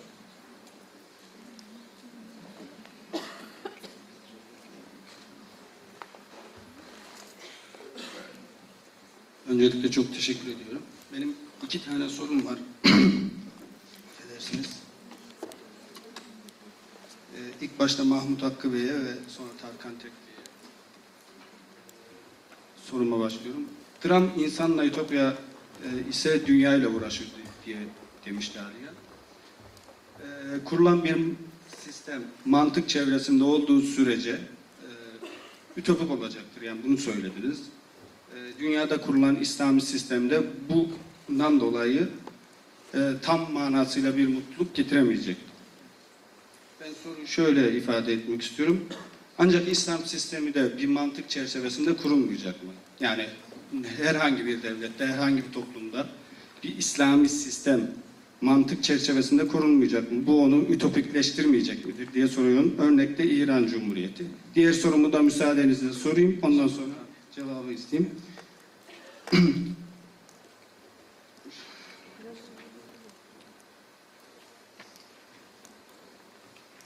Şimdi e, biliyorsunuz e, Aliya Savaş'ın devam ettiği süreç boyunca Bosna'nın sonu olacağını düşündü ve bundan dolayı devamlı barış anlaşmalarına açık bir tutum sergiledi. E, ve barışçıl süreçte siyasi olarak bir zaferin gerçekleşeceğini öngördü. Hep böyleydi düşüncesi. Ve Dayton Barış Anlaşması yine kendi ifadesiyle ne kadar e, adaletsiz de olsa e, bir e, kabul etti bunu ve bunu savundu kabul edilmesi gerektiğini. Hatta bunu bu yüzden çok tepki topladığını biliyoruz. E, süre gelen 18 yıldan sonra e, bu barış döneminde bir e, politik bir başarı söz konusu mudur? Bunu gerçekten merak ediyorum. Çok teşekkür ediyorum tekrar. Eyvallah. Biz de teşekkür ediyoruz. Buyurun hocam. Evet. Şimdi ben onu bir ütopya arayışı olarak kabul edemiyorum. Şu açıdan gene Ali İzzet Begoviç açısından düşündüğünüzde tabii ki insanlar daha iyi olanı arayışındadırlar. Yani bu çok insani bir şey. Siyasetin amacı da budur.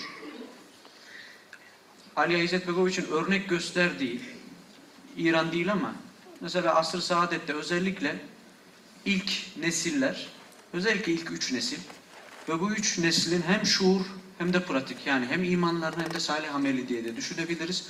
Buna bakmamız gerekir diyoruz. Mutluluğun aray- arayışında olma, karşılaşılan sorunlarla çözüm, karşılaşılan sorunlara çözüm bulma bu zaten siyaset felsefesinin kendi gereği. Yalnız Ütopya'nın bir farkı var. Ütopyalar tarihin sonunu ilan eden şeylerdir. Yani ütopyalar mutlaktır. Ali İzzet Begoviç buna karşı şayet İran'daki ya da Türkiye'deki ya da başka bir yerdeki herhangi bir İslam yorumu mutlaklaşacak olursa o zaman insanlara mutluluktan çok gerçekten de zahmet getirmeye başlar. Çünkü tam bir mutluluğun olmayacağını söyledim. Neyse mutluluğun arayışında olacağız. Tabii ki sorunları çözmenin arayışında olacağız. Kaldı ki bunun için de elimizde siyaset dışında bir imkan da yok. Onu da söyleyeyim. yani. Evet, bu böyle cevap vereceğim. Bir de belki tam mutluluk ifadesini açarsak hocam yani cennette olacağını da ifade onu söyledim. ediyoruz. Evet, yani yeryüzünde Yani mümkün yeryüzünde diyorum. mantık ve dil sınırları çerçevesinde o şekilde idealleştirilmiş bir mutluluk arayışı Hatta e, şunu, olur. şunu da söyledim. Yani herhangi bir İslam yorumunun şu en iyisidir diyerek bir devlet yönetiminin onu benimsemeyenlere de zorla uygulaması İslami bir şey değildir. Yani İzzet Begoviç'in görüşü açısından. Çünkü insani değildir. Kendisi de zaten SDA kurulurken yapılan tartışmalardan birisi bu. Yani ben kalkıp Sırplara şey mi yorumlayacağım diyor. Zorla Müslüman olacaksınız falan değil. Tam tersine onun da iyi yaşayacağı, Müslümanın da iyi yaşayacağı bir ortak nokta bulmamız gerekiyor. Evet. Derdi oydu. Evet. Eyvallah. Evet son soruyla ilgili hocam. Ee, özellikle Ali İzzet bir Begoviç'in başarı mı? yani vefatından sonraki süreçte siyasi anlamda bir başarı elde edilebildi mi? Ben e, Dayton'un bir başarı olup olmadığını Onunla da bağlı. onunla.